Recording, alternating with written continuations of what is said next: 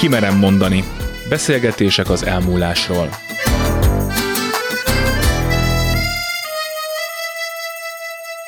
Sugár Ágnes vagyok, köszöntöm Önöket.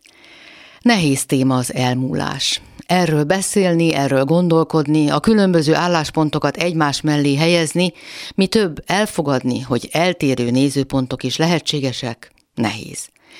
Mindezt érzékelem hallgatóink visszajelzéseiből is. A téma mindenkit érint. Ez az, ami nem megúszható. És mindenkinek megvan a saját jól bejáratott véleménye is, túl sok az érzelem, túl sok a kell, a muszáj, és kevés a jól bevált kapaszkodó.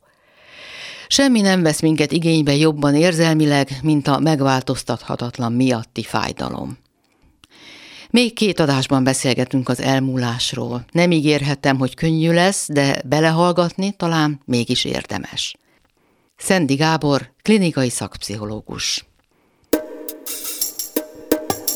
Kimerem mondani. Például egy elvesztett terhesség. Teljesen más, mint egy elvesztett gyermek. Nem illik beszélni az abortuszról, vagy a, vagy a vetélésről. Pedig ott is van munka, vagy lenne munka. Hát megint szerintem embere válogatja, tehát amit én a, a pszichológusoknál nem szeretek, amikor azt mondják, hogy ez a, ez a fel nem dolgozott gyász, meg az elfolytott gyász, és aztán az majd egyszer úgy is visszaüt. Hát nem. Volt egy vizsgálat, ahol azt nézték meg, hogy kik esnek a veszteség után depresszióba, és kiderült, hogy akik nem voltak hajlandók átélni annál nagyobb veszteségként, mint amekkora volt, azok nem lettek depressziósak. Nyilván van olyan nő, akit ez mélyen lesújt, de azért itt is vannak mindig rárakódó dolgok hogy akkor ő már nem is nő, meg akkor lesz -e neki következő gyermeke. Tehát megint ez a borzalmasításnak nevezett folyamat zajlik le, amikor kivetítjük az ebből következő, szerintünk következő jövőt, és akkor annak fényében látjuk a veszteséget. Ha pedig egy picit biológiaiban nézzük a dolgot, ugye a statisztikák azt mutatják, hogy a, a megtermékenyült magzatoknak az 50%-a az úgy vetélődik el, hogy a nő nem is tud róla. Igen. Tehát, hogyha ezt egy picit ilyen biológiai folyamatnak tekintenénk, hogy az anya szervezete az tulajdonképpen kemény harcot folytat a magzat ellen. Régen azt hitték, hogy hát az anya méhe az, az alig várja, és magához öleli, és táplálja, és védi. Nem, ott kemény szelekció folyik. Az anya szervezete, mint egy gátfutás rendez a magzatnak, hogy megfelele. És akkor ugye itt jön be az idősebb nők, amikor szokták mondani, hogy nagyobb az esély a genetikai hibával születésre. Ez azért van, mert valóban az idősebb nő szervezete, mint egy idézőjelbe tudva, hogy hát ő neki most már sok megtermékenyülése nem lesz, toleránsabbá válik a esetleges hibás magzattal szemben, viszont minél fiatalabb egy nő, annál észszerűbb, megint idézőjelbe a szervezete részéről, hogy kemény minőségi kritériumokat állítson föl, hogy kibe érdemes fektetni. Ezért a vetélést azt részben így kell felfogni, Ugye a természeti népeknél azt a különös dolgot figyelték meg, mert van ez a attachment nevelési stílus, most így terjed, az a túlóvó nevelés, ahol a, az anyák megharcolnak azért, hogy a gyerek kötődjön hozzájuk, stb. stb. Túl megengedő? Hát egy kenetteljes hozzáállás, és akkor a, akik ezt hirdetik, azok lényegében a természeti népekre hivatkoznak, hogy ott is úgy pátyolgatják a gyereket a születésetől kezdve. A valóságban úgy néz ki a dolog, hogy az anyák egyrészt sokáig nem is adnak nevet a gyereknek két éves korig. Mert ha esetleg meghal, ugye a csecsemő halandóság az nagy a természeti körülmények közt, akkor kisebb vesztesség érje az anyát. Tehát ahogy nyög a gyerek, azon alatt vannak, mindent megtesznek azért, hogy a gyerek jól legyen, de nem néznek rá még etetés közben se. Tehát szoptatja az anya, és nem néz rá, nem beszél hozzá. Hú. És akkor kérdezte is erre antropológus, hogy hát miért nem beszél a gyerekhez. És akkor azt mondta az illető, hogy hát az ostoba ember lenne, aki egy olyan gyerekhez beszél, aki nem tud beszélni. Ugye mi meg tudjuk, hogy sokkal előbb érti már, de ez csak a modern kutatások. Vagy ha a középkorban megnézzük, hogy hogy álltak a gyerekek, ezt A gyermek egy adomány, a jövő záloga, meg stb. Ez a 19. század terméke, amikor a kapitalizmusban a gyermek az a család felemelkedését szolgálhatta, meg egy csomó minden értéket, akkor befektetés lett a gyerek, ugye lecsökkent a gyerekszám, de akkor költünk a nevelésére. Tehát ez a fajta gondolkodás, ez egy új keletű dolog. A gyerek központuság hajdanán, a középkorban, meg még utána is. Alig tudott járni a gyerek, már inasnak eladták, dolgozott. Nem biztos, hogy ilyen sokat ilyen messzire vissza kell menni, azért az a fajta pátyolgatás a vidéki paraszti kultúrában sem volt jelen 50-100 évvel ezelőtt, amiről esetleg most egy városi környezetben, 21. századi környezetben beszélünk. Igen. Tehát egy kicsit racionálisabban felfogva a dolgot, Megint más dolog természetesen, hogyha egy hónaposan vetél el valaki, vagy koraszülött, és meghal a gyermek, szóval most nyilván sokkal erősebb kötődés alakul ki, ha az ember hasában már mozog egy magzat, és akkor tényleg neve van. Volt egy páciensem, akinek volt egy ilyen vetélése, és nem tudta feldolgozni. Évekkel később járt nálam, és akkor kérdeztem, hogy hát van-e annak a kis elveszett magzatnak sírja, és mondta, hogy nincsen, és akkor mondtam, hogy kéne neki egy sír, tehát el kéne temetni, meggyászolni, és akkor sikerült ugye elvágni végre ezt. Szimbolikusan lezárult a dolog. Tehát ezt akkor is meg kell tenni most egy más helyzetre vetítve, hogyha mondjuk eltűnt valaki, és sohasem találják meg, vagy egy természeti katasztrófa áldozata, és ezért nem kerül elő a test. Tehát akkor is tanácsos végigvinni ezeket a folyamatokat, mert ez a lelki működésünkre is hatással van? Segít abban, hogy ezt a kötődési szállat elvágjuk. Egy kicsit drasztikus, de az emberi gondolkodás az szimbolikus. A neurolingvisztikai programozásban tanultam egy technikát, ami nekem nagyon megtetszett. Ha valaki meghal, és az illető gyászolja, akkor végigvezetik egy olyan folyamaton, amiben először elképzelő, hogy van neki Amerikában egy nagyon jó barátja, akivel nem tartják a kapcsolatot. De tudom, hogy ő ott van. És akkor ezt az érzést átélem, hogy hát igen, a Pisti, mi lehet vele, stb. stb. És akkor aztán utána egyszer csak a Pistit összemosom azzal, aki meghalt.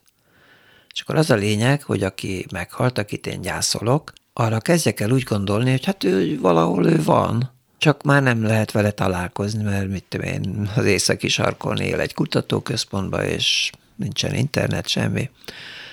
Én ezt a fajta gyász szeretem. Nem szeretek temetőbe járni, meg virágokat vinni, mert ezeket itt mindig úgy érzem, mint hogy na, akkor tépjük fel újra és újra a sebeket. Uh-huh. Én meg sokkal inkább úgy szeretek gyászolni, hogy valahol az létezik, nem vagyok vallásos, tehát nem ilyen értelemben, hanem az én emlékeimben létezik, olyan, mint amikor elment, és mivel lehet könnyíteni, vagy ezt a folyamatot támogatni, hogy minél rugalmasabbak legyünk? Itt jön be, amit nagyon nehéz átadni, de azért mindig próbálkozom a pácienseimnél, hogy az érzelmi életünket, az érzelmeinket hogyan tudjuk szabályozni. Tehát azért itt gondolatokat gerjesztünk, vagy gondolatokhoz ragaszkodunk, újra és újra rágódunk dolgokon, na most ezeket kell tudni megszüntetni. Tehát egy csomó öngerjesztő folyamat zajlik az emberek fejében, és akkor jön a múlt, meg a jövő, meg a mindenféle dolgok. Például engem fiatal koromban, amikor szakítottam lányokkal, akkor az engem mindig nagyon megviselt. De mai szemmel azért, mert mindig a csökkent értékűségemmel szembesültem, hogy ó, hát akkor én mit érek, hogyha engem el lehet hagyni. Hogyha nekem az nem lett volna, akkor azt mondtam, hogy amit ma, hogy anyukám, nem tudod, mit veszítettél. Pláne amikor láttam, hogy nem úgy sikerült az életük. Uh-huh. De közben meg arra is gondolok, hogy jaj, de jó, hogy nem ő maradt mellettem. Szóval nagyon elégedett vagyok az én mostani helyzetemmel és a feleségemmel, úgyhogy, úgyhogy ennek fényében elégedetten tudom mondani. Tehát nagyon sokszor azért fokozódik a fájdalmunk, azért múlik el nehezebben, mert ragaszkodunk egy meggyőződésünkhöz, ragaszkodunk egy beállítódásunkhoz, a kapcsolattal, az emberrel szemben. Igen, hát most ugye az én példámat véve, már a fiatalkori szenvedéseimet, ugye ott azon morfondíroztam mindig, hogy milyen hibát követtem el, mit kellett volna másképp csinálni, stb. Ugye, ha egyszerűen csak azt gondoltam volna, hogy hát két ember nem, nem jött össze, van ilyen. Ha ezt, ezt tudtam volna gondolni, jó, biztos kis kötődési válság azért lett volna, azt nem lehet megúszni, de sokkal könnyebb lett volna feldolgozni, hogyha nem úgy érzem, hogy az értékeim omlottak össze, az önmagamról alkotott képem, és a jövőm, hogy akkor hát kinek kell én majd. Kötődési válságot hogy lehet kezelni? Tehát idézzük fel, gondolkodjunk, sírjunk miatta, vagy pont fordítva tereljük el a figyelmünket, keressünk pozitív élményeket. Én ez utóbbinak vagyok a, a híve, tehát az elkerülhetetlen gyötrődést ne vigyük túlzásba. Azt gondolom, hogyha egy kicsit tényszerűen állunk a dolgokhoz, akkor nyilván a veszteség az veszteség. Tehát most nem kell úgy csinálni, mintha nem lenne veszteség. De nem kell habosítani a dolgot, és mindenféle messze menő következtetéseket, projekciókat belevinni. Konkrétumokra gondolok, hogy az a jobb, hogyha elsiratjuk, a fényképeket nézegetve, a barátokkal emlékezve, vagy már ez is a túlzás kategóriája? Aki ezt igényli, azt én úgyse fogom erről tudni lebeszélni. De én ezt nem tartom jónak. Tehát ez a tépegessük a sebeket, és képzeljünk el mindenfélét, hogy de milyen, mi lett volna, ha, meg milyen jó lenne még mindig, meg szóval ezekkel tudjuk gyötörni magunkat, de csak megnyújtjuk a szenvedést több emberrel is beszéltem, akiknek a gyász után pánikreakcióik lettek. Ők maguk is meglepődtek. Nem rögtön, nem másnap, hanem hónapok múltán. Tehát azelőtt nem tapasztalt ilyet magán. Ez hogy függ össze ez a kettő? A pánik zűrzavarossága miatt nehéz erre válaszolni, mert ugye most már minden szorongás rohamot pániknak kezdenek nevezni, és akkor már, ha pánik, akkor már pánik zavar, és akkor már pszichiátriai probléma. Jó, akkor hívjuk csak szorongás rohamnak. Tudomásul kell venni, hogy a lélek bugyraiban ki tudja, még rejtőznek. Tehát ugye most el tudom képzelni, hogy már valaki azt hiszi, hogy túl van a gyászon, és akkor egyszer csak elmegy egy olyan helyszínre, ami nagyon szimbolikus volt a másik személlyel kapcsolatban, és akkor hirtelen ott számára is nem várt reakció jelenik meg. Mi a helyes ilyenkor? Semmiképp sem megijedni, gondolom. Nem jó patologizálni. Hogyha emberi reakciókat elkezdünk, ugye most éppen olvastam, hogy most már a, a gyász is bekerült a, a pszichiátria diagnózis tárába, mert hogyha egy éven túl tart, akkor az már patológiás gyász. Hát én ettől mindenkit óvnék. Tehát, hogyha valaki egy éven túl is fájlalja a veszteséget, akkor szíve jogat. Egyébként nyilván azért, mert minél izoláltabban él valaki, minél jobban rá van utalva arra, akit elveszített, hát annál nehezebb azt feldolgozni.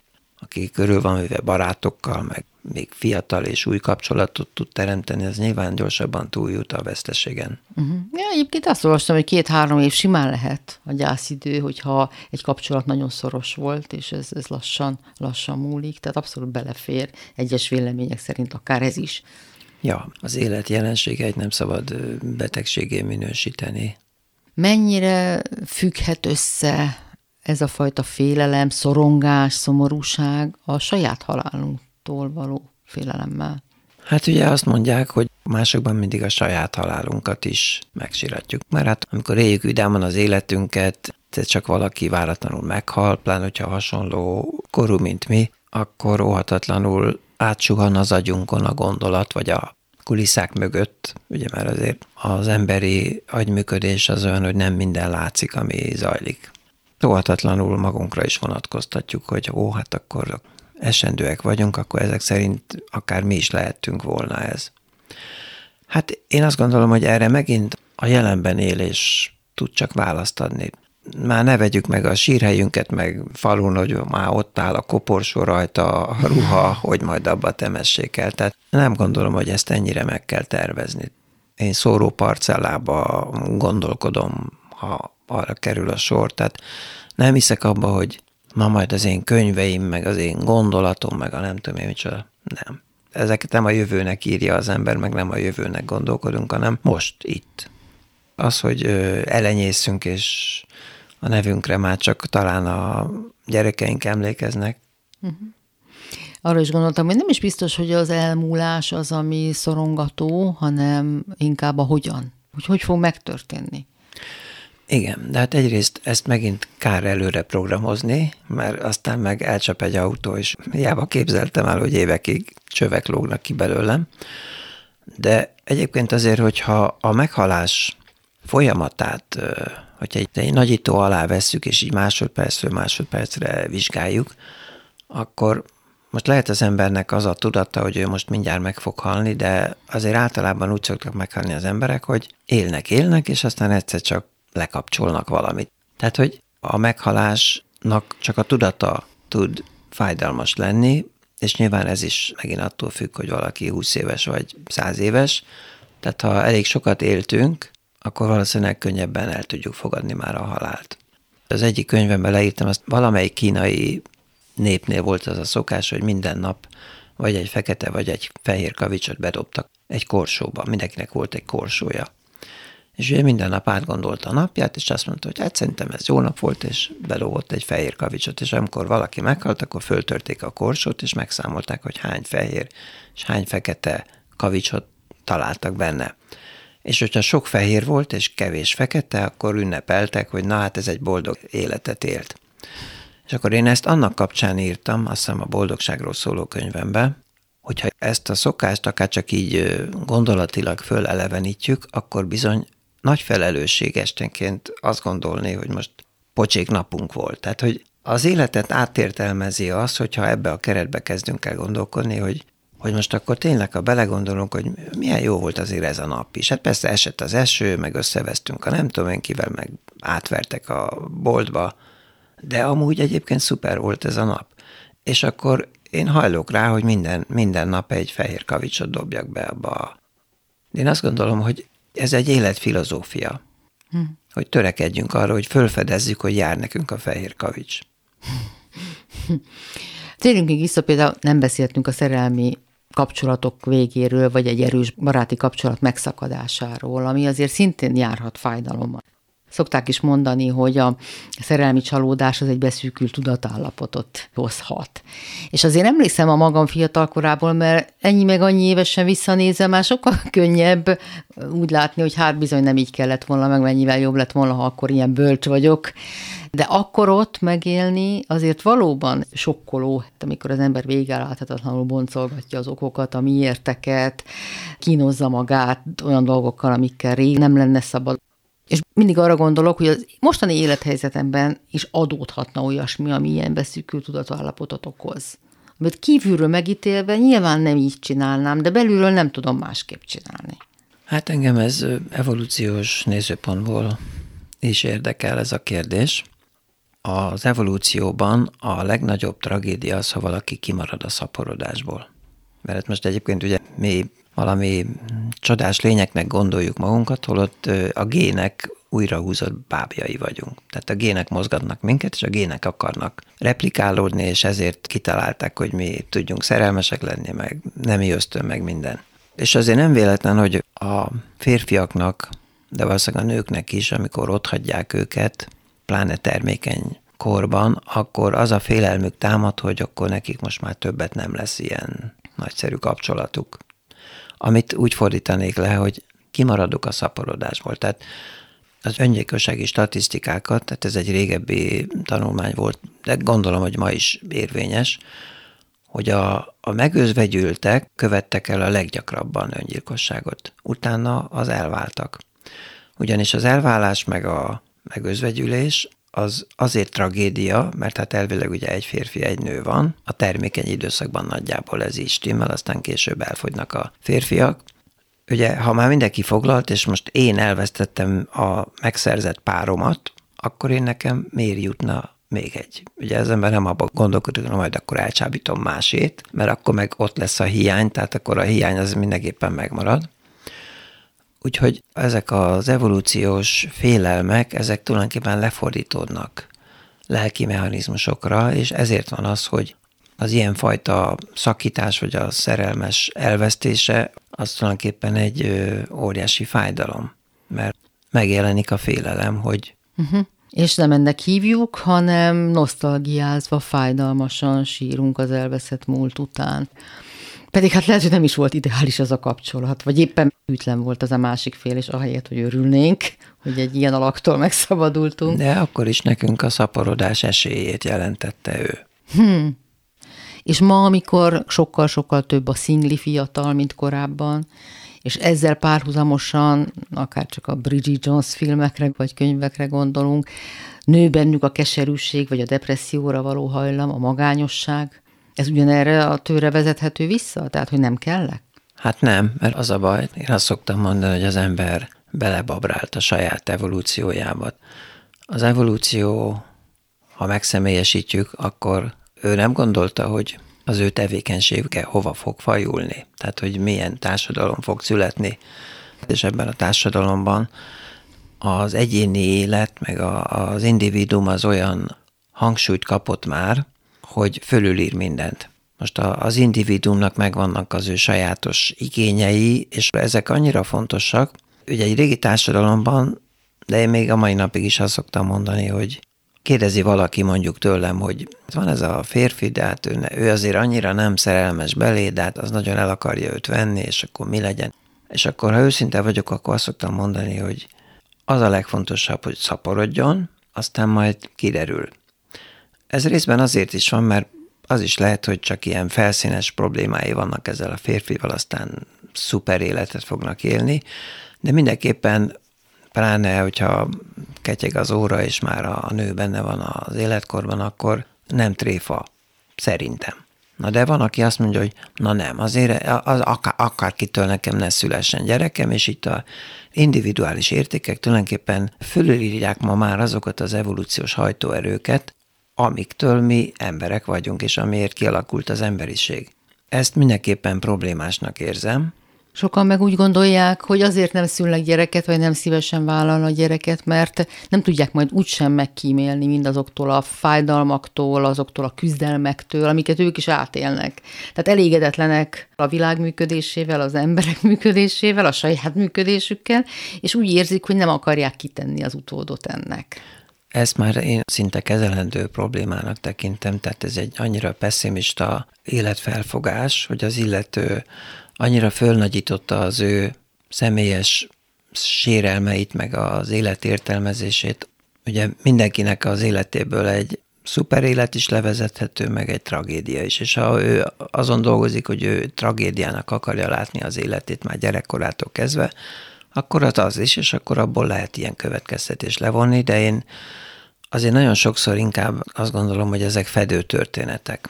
Tehát a, a szaporodásról való lemondás az sok olyasmi rejtett problémát fed, hogy kinek kellek én, egyáltalán olyan ronda vagyok, meg szégyellem a testemet. Tehát, hogy uh-huh. az emberek legyártják azokat a ideológiákat, amikkel aztán magányra ítélik magukat, miközben szeretnének ők kapcsolatot, de hát kinek kellhetnek ők. Tehát akkor...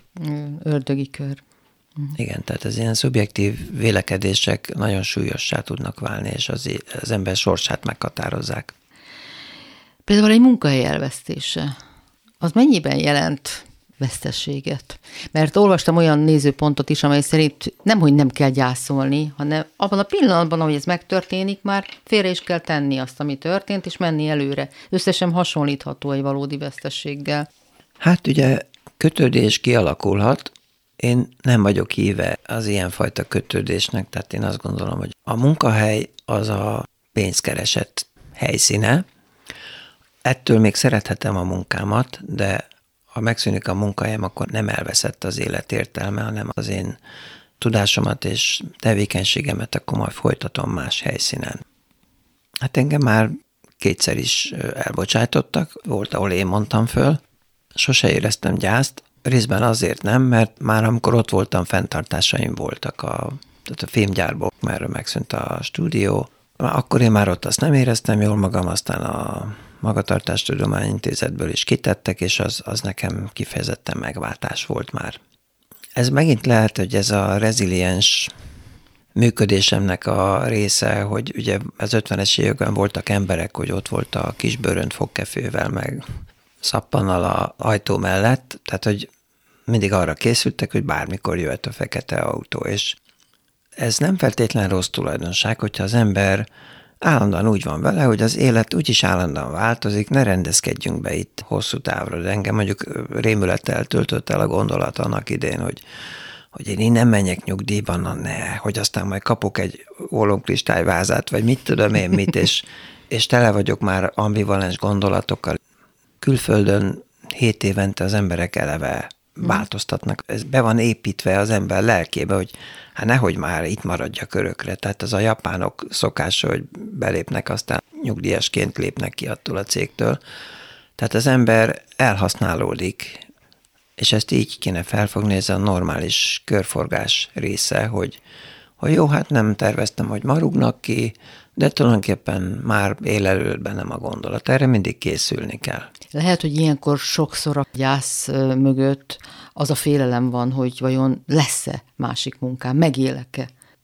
Ez az, amiről próbálok újra és újra visszatérőleg beszélni, hogy, hogy amiket hozzá ragasztunk ezekhez a történésekhez, nem önmagában azt látjuk, ja, értem, tehát akkor holnap ne jöjjek már be. Igen, holnap ne gyere már be. Jó.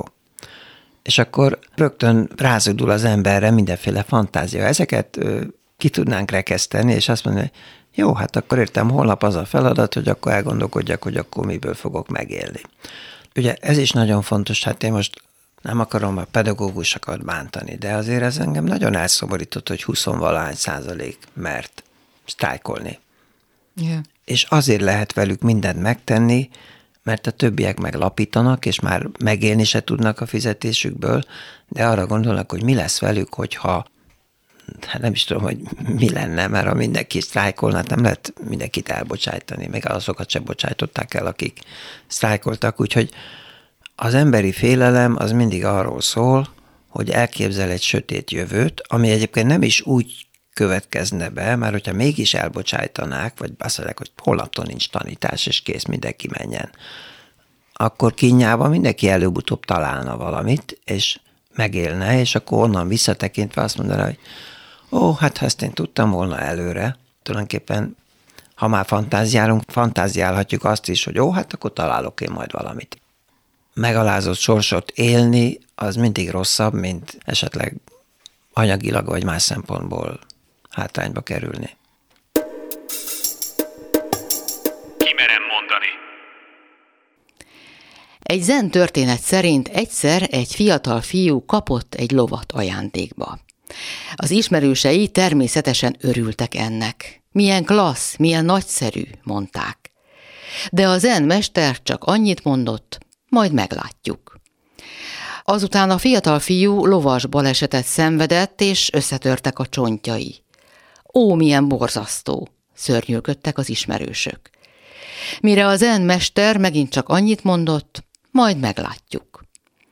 Nem sokkal később a falu fiataljainak be kellett vonulniuk a háborúba, de a fiú éppen a törött lába miatt nem mehetett a háborúba. Milyen szerencsés, milyen csodás, mondták az ismerősök. Majd meglátjuk, mondta ismét a zenmester. Vagyis, hogy sokszor a jó és a rossz megítélése nem is olyan könnyű, nem is olyan egyértelmű. Erről szól ez a kis történet. Komár Lajos, a tankapuja buddhista főiskola tanára. Kimerem mondani. Miután tudomásul vesszük, hogy gondjaink vannak, fájdalmaink, veszteségeink vannak, és belátjuk, hogy a dolgok változnak, keletkeznek, születnek és elmúlnak, meghalnak, de változnak. Itt egy buddhista szempontot hoznék be, ez nem egy végzetes keletkezés és elmúlás, hanem ez egy folyamat része. Tehát a dolgok inkább átalakulnak, semmit születnek és meghalnak.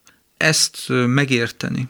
Tehát amikor a fizikai test sérül vagy károsodik, az nem jelenti azt, hogy nekem ebből nagyobb hátrányom származhat feltétlenül, ez hozzáállás kérdése. És amikor a vagyoni helyzetem változik is, attól én még egy egészséges egész tudok maradni, ha fel tudom dolgozni ezt a veszteséget. Tehát még egyszer a dolgok átalakulóban és változóban vannak, és nem végletes módon alakul a sorsuk. Ezt kellene valahogy meglátnunk.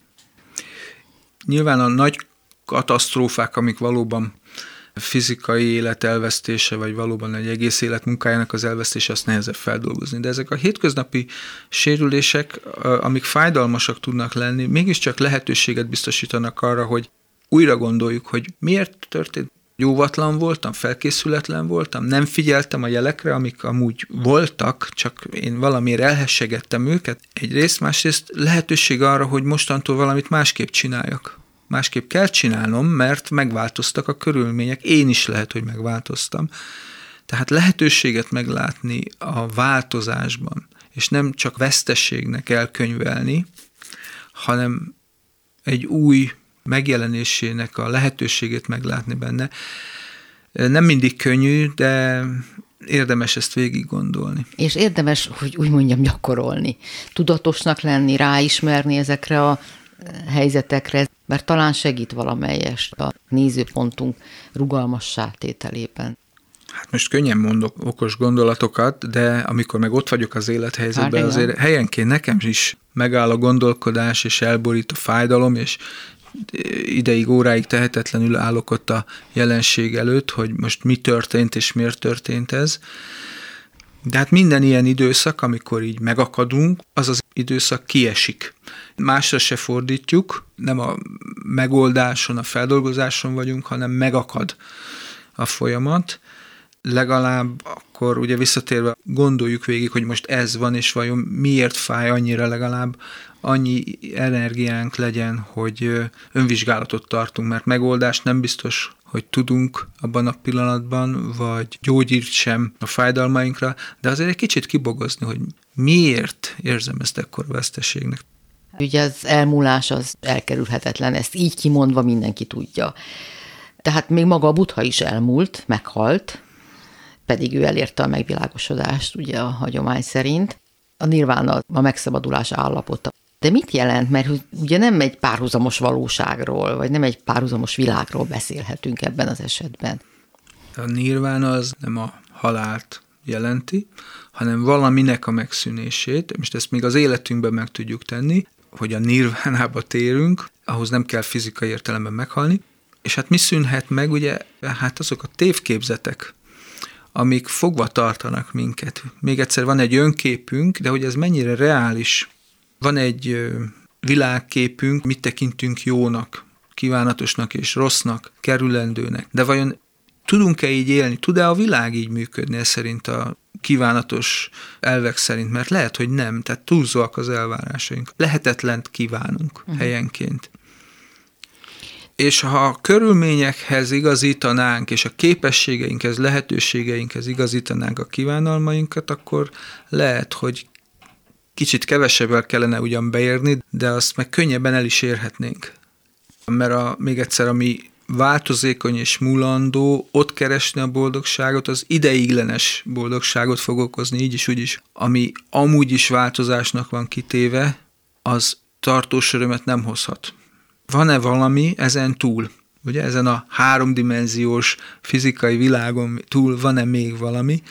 És szerintem például a megértés, valaminek a megértése, belátása, átlátása, az törvényszerűségek meglátása, az egy tartósabb megelégedettséget tud hozni, hiszen értjük, hogy nem csak velünk történik, és azért történt, mert ezt és ezt tettük, így és így viselkedtünk, ez nagyon munkás.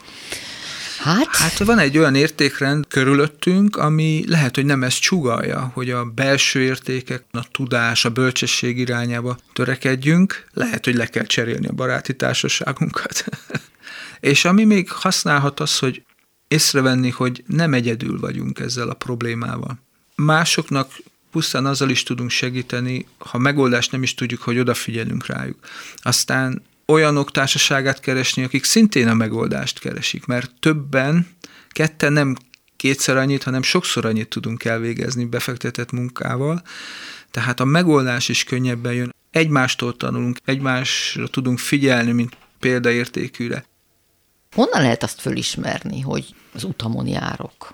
Jó, persze éneket lehet mondani, hogy nem a végtelen bulizás, meg nem a folyamatos figyelemelterelés mindenféle külsőségekkel, amit a környezetünkből magunkhoz veszünk, de mégis honnan lehet azt érezni, hogy, hogy mik a jelei, az első jelei annak, hogy rendben vagyunk, vagy rendben leszünk?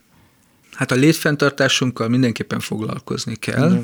Hogy az igényeink kielégítésével, most szellemi, fizikai igények kielégítésével erre időt és energiát kell szánni, de legyen időnk még ezen túl, vagy olyan szellemi tevékenységre, ami kimutat ezen a társadalmi beágyazottságon, a megélhetés és a fizikai lét fenntartásán túl, hát ha van valami, hogy egy kutatást végezzünk el. Lehet valahonnan érezni? Van ennek valamilyen jele, valamilyen érzelmi állapot? Talán a megelégedettség érzéséhez kötném, mert ha úgy érzem, hogy megtettem mindent, vagy sokat a saját életem karbantartása érdekében és a céljaim elérése érdekében, akkor beláthatom, hogy hát most ennyire voltam képes, amennyit elértem. Ha ez a megelégedettségérzés megvan, hogy én megtettem, amit tudtam, akkor a soscsapások is talán kevésbé, vagy a váratlan események bekövetkezte is kevésbé zavar, hiszen rengeteg dolgot nem is tudunk kivédeni, és ha tudjuk a képességeinket, akkor azt is tudjuk, hogy hogy tudjuk helyrehozni, kijavítani azokat a élethelyzeteket, amit most éppen csapásként éltünk meg. Tehát önbizalom, élettapasztalat és az elvégzett munka öröme az, ami talán kisegít így a kezdeti időkben, hogy keressük az élet értelmét, az életünk értelmét és célján. És a másik a megelégedettség, hogy be kell látni egy idő után, hogy azért bármit, meg mindent nem fogunk elérni. Ilyen-olyanoknál fogva, hogy mi az, ami boldogságot okoz, és elérhető számomra is. Így jön a szabadidős tevékenység, akár a hobbi a képbe, hogy ha máshogy nem, akkor a szabadidőmben olyat csinálni, amiből töltekezni tudok. Az ember az társas lény, tehát emberi környezet mindenképpen segít abban, hogy rálejjen a helyes útra, ha más nem, akkor példát tud venni másokon. Többször beszéltünk már róla, többször előkerült szerintem ebben a beszélgetésben is, hogy értjük, értjük, tudjuk, ez a világrendje. Ami keletkezik, az elmúlik, átalakul, változik, többféleképpen állhatunk hozzá. Mégis akár kikövetkeztetjük, akár meggyőzzük magunkat, akár beszélgetünk róla, a fejünkben értjük, és valahogy mégsem tud igazából belsővé válni, mintha mégis természetellenesnek fognánk fel, főleg a nagy súlyú változásokat, vagy veszteségeket. Mi az, ami még hozzá tud ehhez tenni, ehhez a feldolgozáshoz? Ugye említettem a másokra való odafigyelést, hogy nem vagyunk egyedül a problémával, van, akit mélyebben érint, nagyobb bajnak fogja fel, és esetleg tudunk segíteni az élettapasztalatunk révén, vagy hogy mi is keresztül mentünk azon a folyamaton, és ez egy kicsit elterüli a figyelmet a saját veszteségeinkről, fájdalmainkról. Ez helyenként jó tud lenni, hogy nem ragadunk bele a fájdalomba, hanem a másokért való segítség az valamilyen furcsa módon számunkra is megoldást tud kínálni majd. És hát van még egy módszer, a módszer igazából, ugye a buddha követői a meditációt, valami fajta befelé figyelést, feldolgozás, belátást művelik. Azt vizsgálat tárgyává tenni, hogy ez a fájdalom jelen van éppen az életemben, és hogy mi ennek az oka, ha ezt fel tudjuk göngyölíteni. A belső okait keressük inkább, tehát nem az, hogy ki miatt történt az, hanem hogy miért fáj ez nekem. Mi az a pont, ami annyira érzékenyen érint? Valamelyik személyiségjegyem, vagy a világképem sérült, az önérzetem esetleg, hogy ezt először megtalálni, amennyire lehet pontosan, és vegyük észre, hogy van egy olyan, lehet, hogy túlzó elvárásunk, a világ már megváltozott, ahhoz képest, mint amikor mi kialakítottuk ezt az ideális világról alkotott képünket. Lehet, hogy volt valaholyan, de már nem az vesz körül, és már én sem az vagyok, aki annak idején abba belehelyezkedtem. Tehát ha megtaláltuk az okot, akkor vegyük észre, hogy ez még reális, ez az elvárás, ez a viszony, ahogyan mi szemléljük a világot és önmagunkat. Mert hiszen már megvan a fájdalom oka, hogy valamilyen kép képünk van önmagunkról és a világról. Ez még fenntartható? Hát most itt a példa, hogy nem, mert fájdalmat okoz annak a világképnek a fenntartása is. Akkor lehet, hogy ezen érdemes változtatni, dolgozni, hogy mi a hiba a szemléletemben. azok kedvéért, akik nem gyakorlott meditálók, tulajdonképpen mit történik a meditációs folyamatban? Miért más ez, mint hogyha csak végig gondolom ezeket a dolgokat? Kellő távolságot kellene tartani ezektől az eseményektől, amik fájdalmat okoznak. És kicsit elkülönülni tőle, hogy nem én sérültem, nem nekem fáj, hanem tapasztalom, hogy van egy ilyen sérülés, hogy van egy ilyen fájdalomérzet, mint hogyha egy jó orvos megvizsgálna a betegét, ugye kicsit próbáljunk úgy tekinteni magunkra, hogy, hogy mi lehet, mi lehet a probléma, mi lehet a gyökere, és hogyan tudnék segíteni. Tehát ez ahhoz segít hozzá, hogy érzelmileg valóban rá tudjunk nézni egy kicsit úgymond kívülről, kevésbé érintetten erre a helyzetre? Igen, hogy egy kicsit el szakadjunk ugye ettől a személyes érintettség állapotától. Ez az elsődleges feladat. És az élet, a hétköznapi élet, amiben vagyunk, nagyon sokszor igazságtalan. Úgy érezzük, úgy éljük meg, hogy igazságtalan, nem pont velünk szemben, hanem úgy általában. És ezt tudomásul kell vegyük, hogy nem biztos, hogy szándékos és tudatos, ami történik velünk és körülöttünk, nem valaki csinálja, hanem bizony nem azt kapjuk visszajelzésnek, amit amúgy várunk, és ami jogosan megilletne minket. Hogy ez, ez mindennapos tapasztalat igazából mindannyiunké, hogy nem pont úgy történnek a dolgok, ahogy azt ö, megérdemelnénk, vagy megérdemelni a világ. Ezt el kell fogadjuk, hogy igazságtalan, váratlan dolgok fognak történni velünk és körülöttünk, és ehhez képest kell mégis nekünk tovább lépni, életben maradni, értelmes életet élni.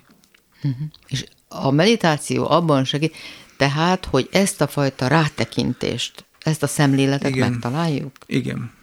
Például Igen. vannak törvényszerűségek, még egyszer, hogy a természettörvényei, a társadalom szerkezetéből fakadó következmények, ami el kell viseljünk, mert itt élünk ebben a környezetben, ilyen körülmények között, és ezen jelenleg rövid távon nem fogunk tudni változtatni, hogy ezt vegyük észre, hogy ez nem minket sújt, és nem kivételezettek, vagy kiátkozottak vagyunk, amikor történik, hanem ez a mindennapos működés része. Uh-huh. Mennyi idő kell ahhoz, nehezet kérdezek nyilván, hogy valaki eljusson a meditációban arra a szintre, hogy valódi segítség, valódi támaszték legyen számára a nehézségek, a veszteségek, a fájdalom feldolgozásában a meditáció. Ez mitől függ, hogy hogy lehet ebben haladni? Minél hamarabb rátekintő módon, mint egy kívülről is tudjuk magunkat szemlélni, annál hamarabb tudunk elvonatkoztatni attól, hogy személyünkben sértve, bántva érezzük magunkat.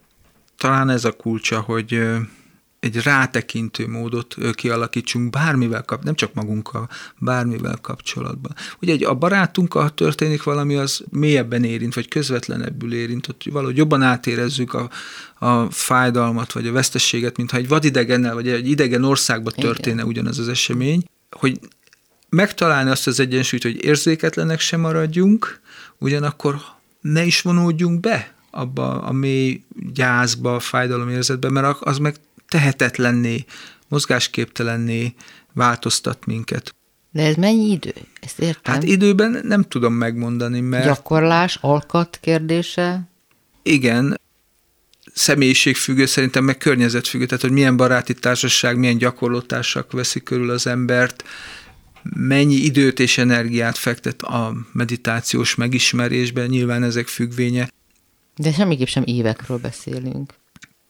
Most arra gondolok csak, hogyha valaki úgy érzi, hogy kipróbálná magát ezen az úton, akkor mire számítson? Tehát nem kell hozzá túlképzetnek lenni, nem kell éveket készülni rá, egyszerűen hmm. el kell kezdeni. Saját tapasztalatból azt tudom mondani, hogy ha betesszük a megfelelő energiát a a feladatba, akkor eleinte látványos eredményekre tudunk jutni, mert hirtelen nagyot tudunk változni, ha úgy tetszik fejlődni.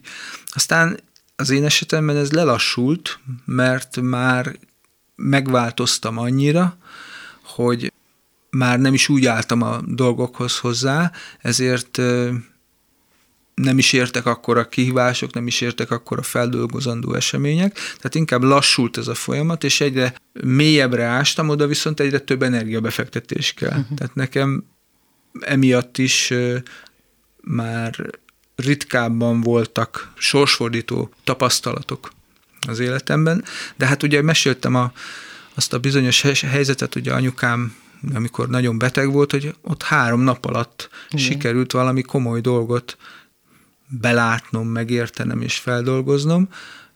Persze az a három nap az nagyon nehéz volt, de hát ha belegondolunk, ez egy, ez egy nagyon rövid időszak ahhoz képest, hogy egy szülő elvesztését, Igen. elvesztésével néztem éppen szembe. Úgyhogy nem tudom megmondani, hogy ez mennyi idő. Én annak vagyok a híve, hogy inkább egyszerre öt vagy tíz napot foglalkozni intenzíven valamivel, így meditatív módon, mint hogy hetente egyszer másfél-két órát, vagy akár minden nap másfél-két órát. Az én személyiségemnek az jobban fekszik, hogyha néhány napra kizárok minden mást, és csak ezt csinálom. Tehát ez is egyedi, mint minden. Hát állítólag a rendszeres tehát a rövid időszakokra, de a rendszeres munkavégzés az meghozza a gyümölcsét. Nálam ezek a egy hét, tíz napos periódusok, amik akár hónapokig is, a hatás hónapokig is kitart utána, és könnyebben viselem az életviharait. Nagyon eltérő módon működik az embereknél, de ez a egy hét, tíz nap az, ami nekem uh-huh. szükségem van.